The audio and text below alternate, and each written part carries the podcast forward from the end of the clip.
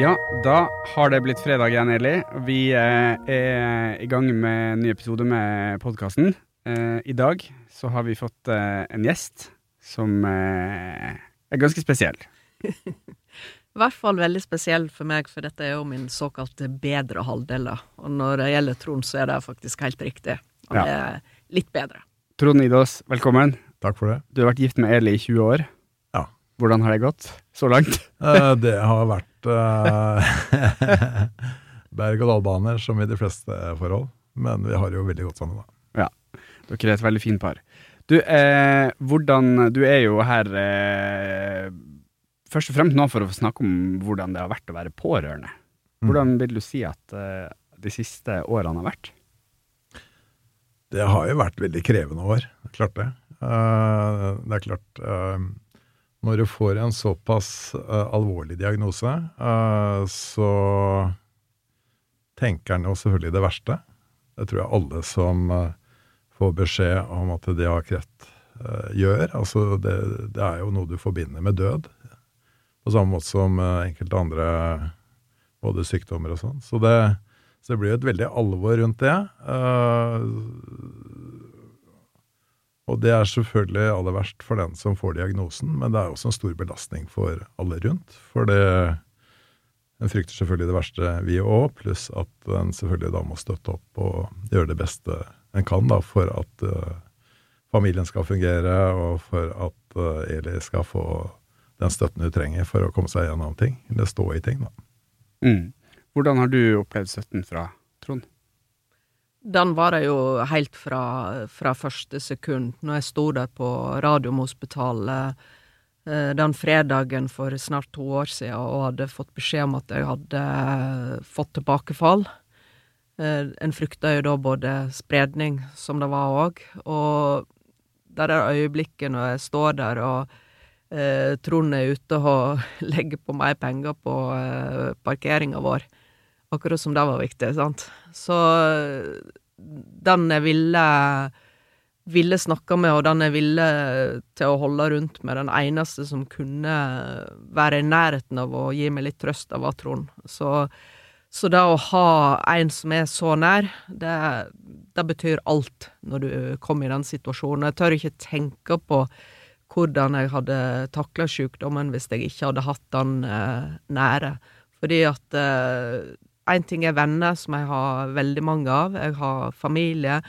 Jeg har mange bekjente, så jeg har liksom nettverk i, i alle ledd.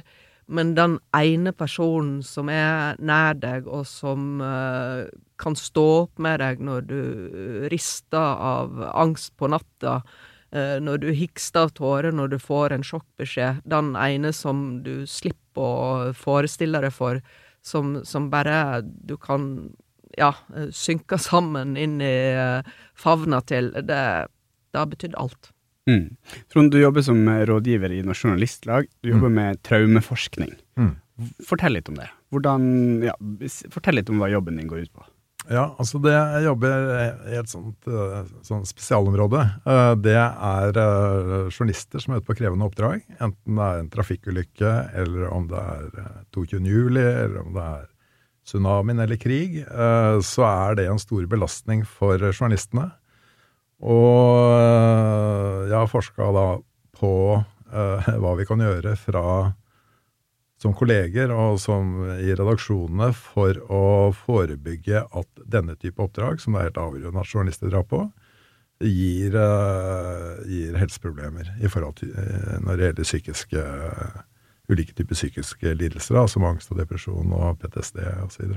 Uh, så det har jeg jobba med i mange år, helt fra jeg var i Aftenposten, da vi begynte å jobbe med det. Eh, Så akkurat nå så har jeg gjort en undersøkelse på journalistene som dekte 22. juli for ti år siden, eh, hvordan de har opplevd tiårsmarkeringen. For det vi vet at for de som uh, det var tøft for ti, ti år siden, så er det sannsynlig at eh, de fikk stressreaksjoner også rundt tiårsmarkeringen. Det gjelder journalister, og det gjelder selvfølgelig de som var direkte ramma, men alle som var involvert på en eller annen måte. Og det er et felt som det er forska veldig lite på, altså dette med merkedager og hvordan det slår ut.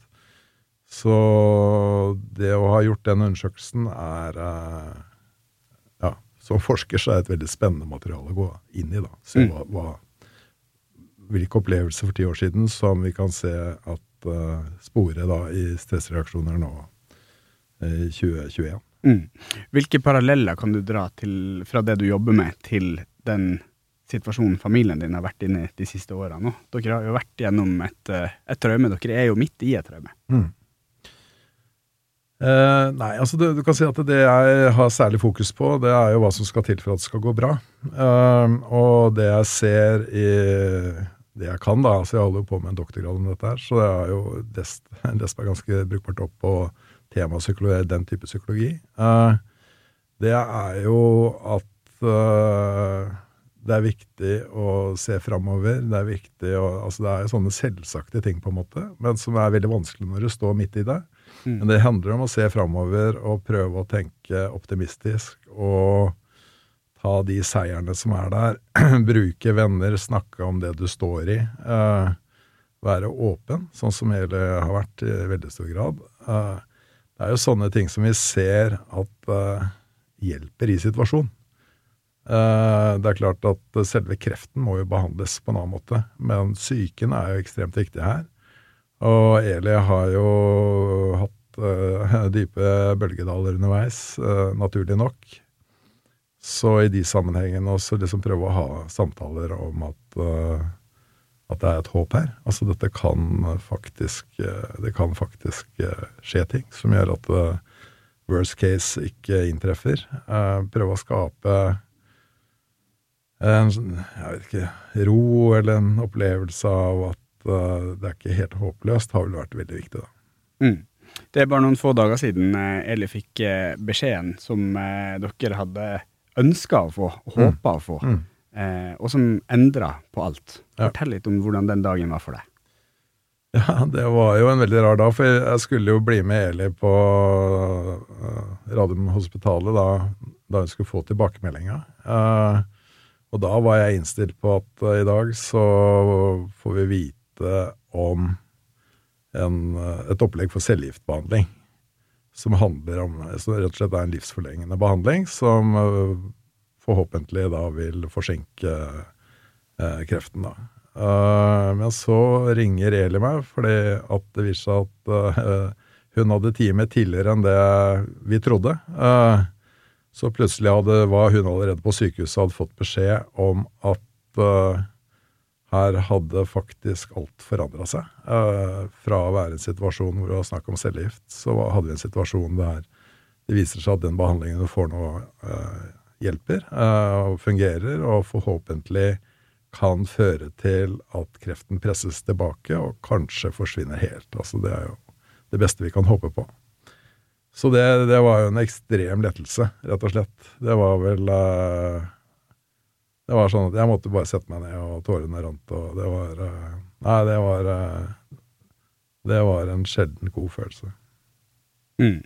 Dere som familie har jo eh, uten tvil hatt noen ganske tøffe tak de siste årene. Mm. Eh, for bare noen år tilbake igjen, så var det du som var syk.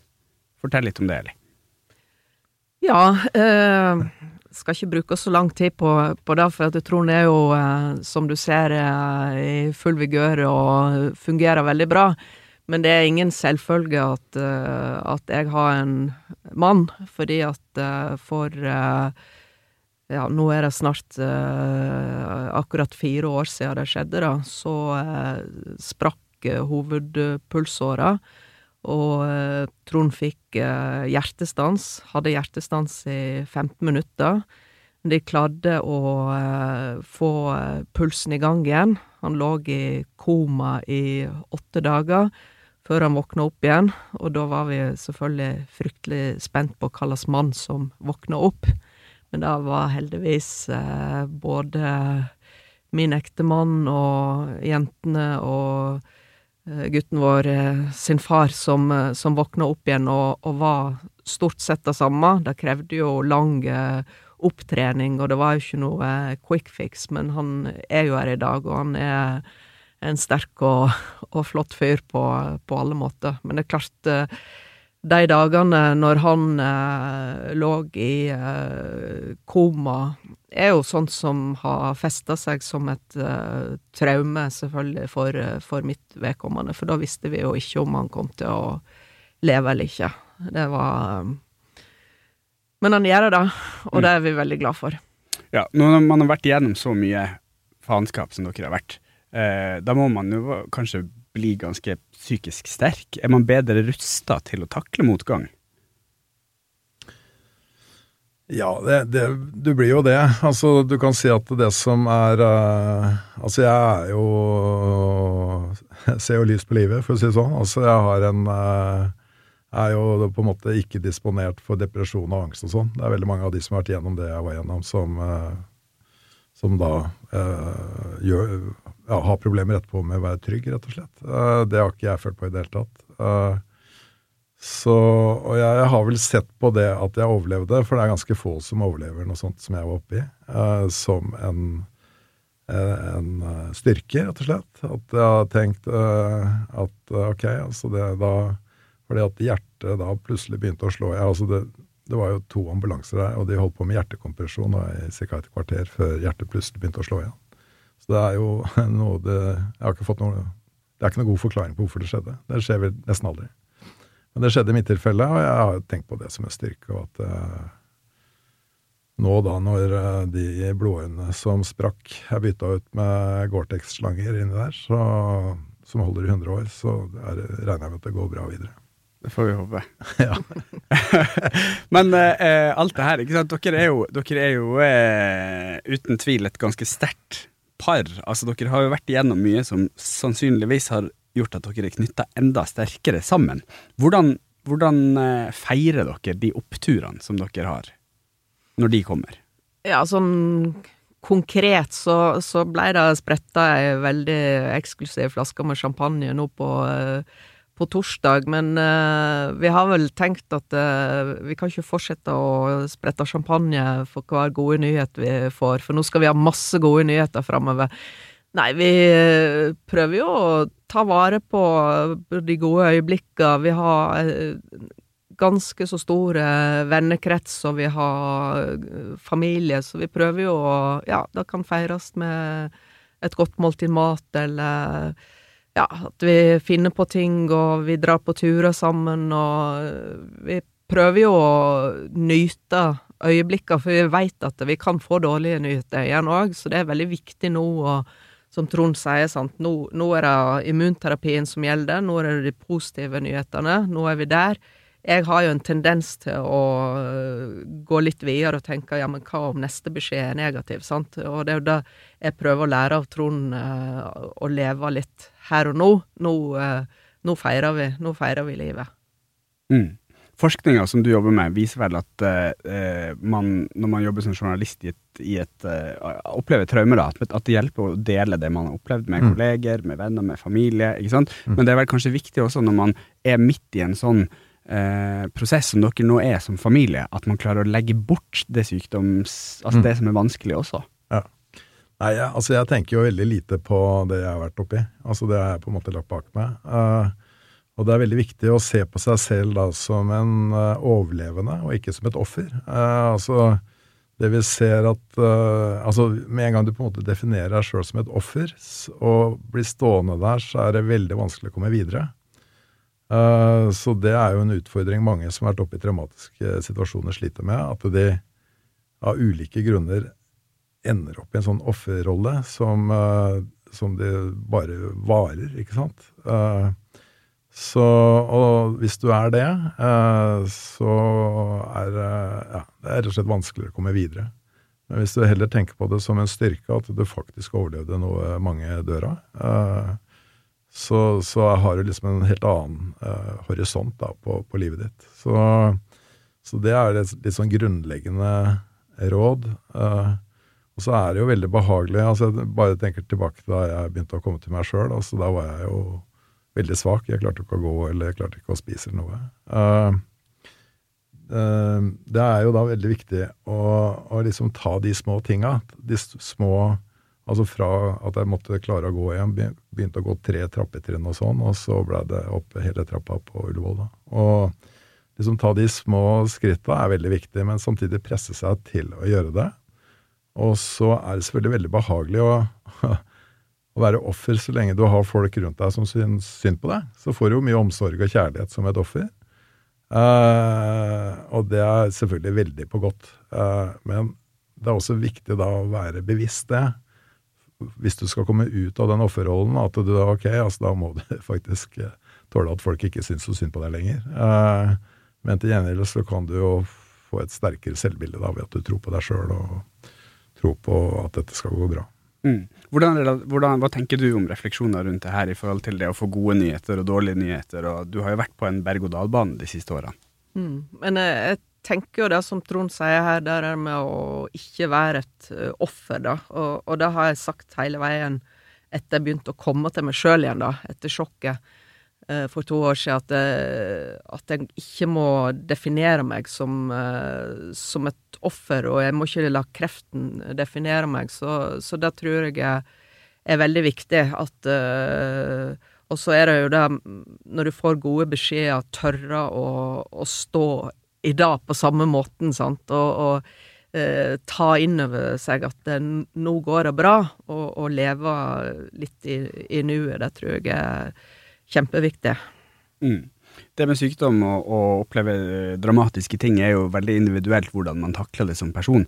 Men når dere nå har vært igjennom det dere har vært, og også har de bakgrunnene som dere har profesjonelt, er det noen tips eller eh, råd dere vil gi til andre som er i situasjoner som er veldig krevende for de? Det beste rådet jeg kan gi, er jo at du har en fantastisk mann. Det er det første som må være på plass hvis du skal møte krise. Men eh, et annet tips jeg har, som jeg har Den ene tingen jeg kan si jeg har vært flink på, for jeg har ikke vært eh, jeg tror nok det er langt bedre pasienter enn en Eli Strand der ute, men den tingen jeg har vært flink på, det er å jobbe. Jeg har prøvd å holde Julia i gang i mitt eget firma, og har klart det, og kunne eh, forsørge meg sjøl eh, i, eh, i, denne perioden. Og, og det har betydd alt for meg, altså. Stå opp om morgenen og komme seg ut der og få den energien. Så eh, ha en god mann, og jobb på, og bruk tid på venner. Det er kanskje de tre beste tipsene jeg kan gi.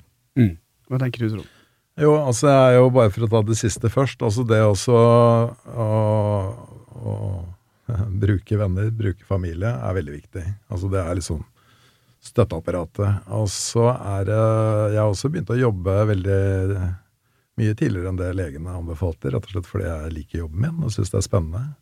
Så det å gjøre noe meningsfylt, tror jeg kan si er veldig viktig. Det at du gjør noe som du opplever som meningsfylt, og som, hvor du opplever at du lykkes selv om du er svekka. ikke sant? At du har oppgaver hver dag som du tenker at ja, dette her har faktisk en mening å gjøre. Enten det er bare for deg sjøl, eller om det, spesielt hvis det er for andre. At du spiller en forskjell. Det tror jeg er veldig viktig. Det kan være jobb, men det kan også være andre ting du fyller tida med. Eh, for det tror jeg er litt sånn grunnleggende for mennesket, at vi har behov for å bety noe eh, i den store sammenhengen. og i det så ligger det da at ting bør være meningsfylt. Mm. Hvis vi skal gå litt mer over i det kanskje sånn samlivsterapeutiske, hvordan klarer man å bevare et godt samliv, et godt eh, å være kjærester gjennom sånne traumer som dere har?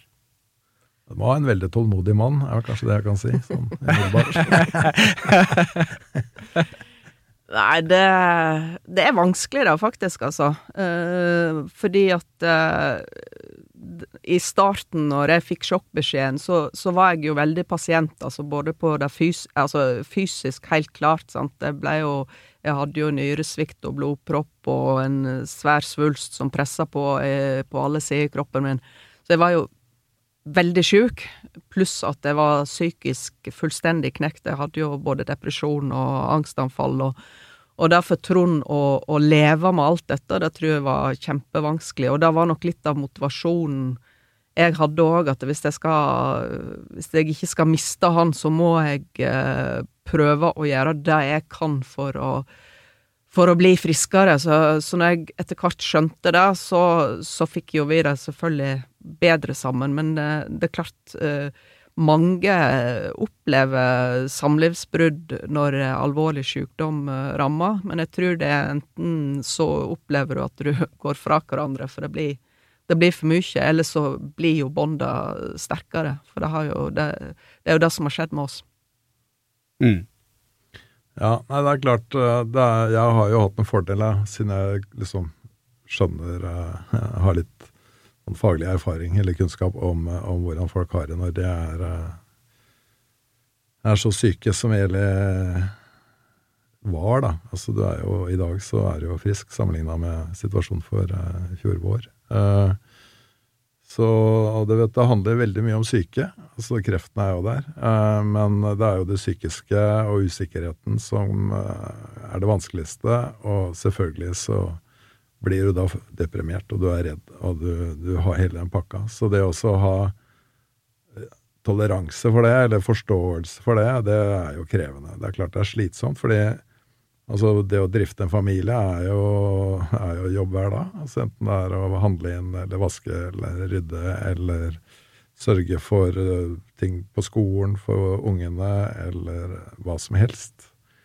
Og når du har da, når ektefellen din da, uh, er satt ut rett og slett pga. sykdom, så blir jo da en må rett og slett ta hånd om det sjøl. Uh, så har jeg en jobb og en arbeidsgiver som eh, en arbeidssituasjon hvor jeg har rom til å legge opp veldig mye av livet, eller arbeidsdelen av livet, da. På en måte da som fungerer i den type ekstremsituasjon. Uh, så det er jo en viktig faktor her, at, uh, at jeg har hatt, eller har romslighet på jobben til å stå i en sånn situasjon i månedsvis. Det er det ikke alle som har.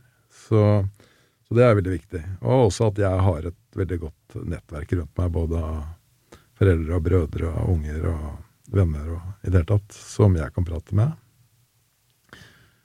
Uh, så er det vel også et godt poeng at man, man, ikke må være redd for å be om hjelp? Det har redda meg, fordi jeg har sagt til både fastlegen min og legene på Radiumhospitalet hva, hva hjelp kan jeg få, og jeg har fått, jeg har fått hjelp. Uh, og så er det det med, med, venner. Jeg husker jo, jeg var jo mer eller mindre på sykehuset hele desember uh, måned for to år siden. Uh, og da var jeg veldig Da spurte jo vennene mine hva, hva kan vi gjøre for deg? Og jeg husker jeg sa til en av mine beste venninner, Lillian, hvis du kunne lage julekalenderen til sønnen min, så hadde det vært fint, sant? Og så fikk han jo selvfølgelig verdens fineste pakkekalender. Uh, og samme er det året, så bakte ikke vi eneste julekake, men vi hadde de sju sortene til jul. Så du, det er veldig viktig å, å, be om hjelp, og folk vil gjerne hjelpe. Mm. Ja, jeg er veldig enig i det. Ja, det, det er jo Altså Ofte så er det litt sånn der Jeg vet ikke om det er eh, stolthet eller skam eller hva det er som gjør at du tenker at jeg skal ikke legge en byrde på andre. Men eh, det en ser i den type situasjoner, er jo at de du har rundt deg, vil jo gjerne bidra på en eller annen måte. Altså, jeg tror det er helt sånn grunnleggende menneskelig eh, driv, altså. At du, altså er det noen som lider, så vil du veldig gjerne bidra. Eh, og det blir jo veldig synlig i sånne situasjoner. Så eh, det er bra for deg, og det, det, det er for så vidt også godt for de som kan bidra, fordi da kan de i hvert fall gjøre noe i den egentlig ganske umulige situasjonen. da. Mm. Nå er dere jo i en, eh, i en, situasjon der dere heldigvis har fått gode nyheter. Eh, hvordan, dere, hvordan, blir da tida framover nå? Nei, vi så på kalenderen her for ikke så lenge siden, og det er jo eh, bursdager og konfirmasjoner og ting Vi har ikke eneste ledig helg eh, fram til jul. Så vi får prøve å, å Eller vi veit vi skal kose oss i helgene, så vi får prøve kanskje å kose oss litt mindre i ukene framover. Men, men uh, nyte det. Og det er jo noe med å, å, nyte den gode nyheten nå mens du har den. For at uh, det kan skje ting, uh, men det prøver jeg å ikke tenke på. Og så tenke på at nå får jeg immunterapi, og det ikke bare skal det forlenge livet mitt, men eh, jeg har et, eh, jeg har et lite håp om at det skal redde meg. Mm. Ja, altså jeg har jo et stort håp uh, når det gjelder immunterapi, og jeg regner jo med, eller håper jo, at dette skal gå bra. Uh, det jeg tenker sånn i forhold til, til, hvordan vi skal leve, så tenker jeg at det er om å gjøre å komme inn i et mest mulig normalt uh, livsmønster. Uh, uh, Hva mener du med normalt, da? Nei, at det vært I en sånn situasjon i så mange år. ja, ikke sant. Hva er normalt? Nei, du kan venne deg til mange normaler. Men ja. i hvert fall at jula går rundt, ikke sant. Altså, det, det er det er uh, altså, gå på jobb, gjøre en jobb, uh, ha fritid. Eli er flink nå og har kommet i gang med trening. Var på spinning i går kveld. Så jeg vet ikke, jeg har ikke spurt foreløpig hvor hvordan det føles i dag. Men jeg regner med Men altså, altså spise sunt. altså i en av de tidligere podkastene her så var jo Eli litt sånn resignert. At ting spilte ikke så stor rolle, fordi at uh, her var horisonten uh, like foran meg i sted. Uh, få gjort noe med det bildet. Tenke at uh, nå skal jeg gjøre alt jeg kan for at denne immunterapien skal uh, fungere. Mm. Jeg må bare spørre om en ting. Er det vanskelig å være forståelsesfull? For det må man vel være ganske mye når man er en pårørende. At man må, må finne seg i at det Altså, du må få lov til å være akkurat så trist eller så sint eller så lei deg eller som du er nå. Mm. Er det vanskelig? Eh, jeg har jo noen års erfaring med det, må jeg si. Da. For det har jo svingt litt underveis. At, eh, så det, eh, det er klart det, det er jo en utfordring å alltid være forståelsesfull. Men i den situasjonen vi er i nå, så har jeg ikke syntes det er veldig vanskelig. Da har det på en måte vært naturlig. Ja. Så Og ja her er, ikke sant Altså, vi, vi, er en familie. Vi har en gutt som fortsatt bor hjemme. Eh, jeg har to døtre som eh, selvfølgelig er veldig opptatt av hvordan det går med oss. Da, så det legger jo så klare føringer på hva, hvordan du bør være, ikke sant. Mm. Så Og i det så ligger det selvfølgelig også å ha forståelse, men også prøve å gi beskjed hvis ting uh, blir for gærent. Uh, ja, i dag fikk jeg skikkelig skikkelig kjeft fordi at jeg ikke hadde redd opp senga. Ikke sant. Det er de små tinga. Bære ut søpla. ja. så vi skal avslutte med oppfordringa til de som hører på som eventuelt er sjuke eller har det vanskelig. At du må få holde hjulene i gang, greie opp senga og ta ut søpla. det er de små seierne. Det er et sånn veldig kjent amerikansk fra amerikanske marinen. Marinejegere, som er en sånn video hvor hovedpoenget til han som holder tale, er de små tinga, og det handler om å re opp senga. Den er ganske morsom. Tusen takk for at du kom til.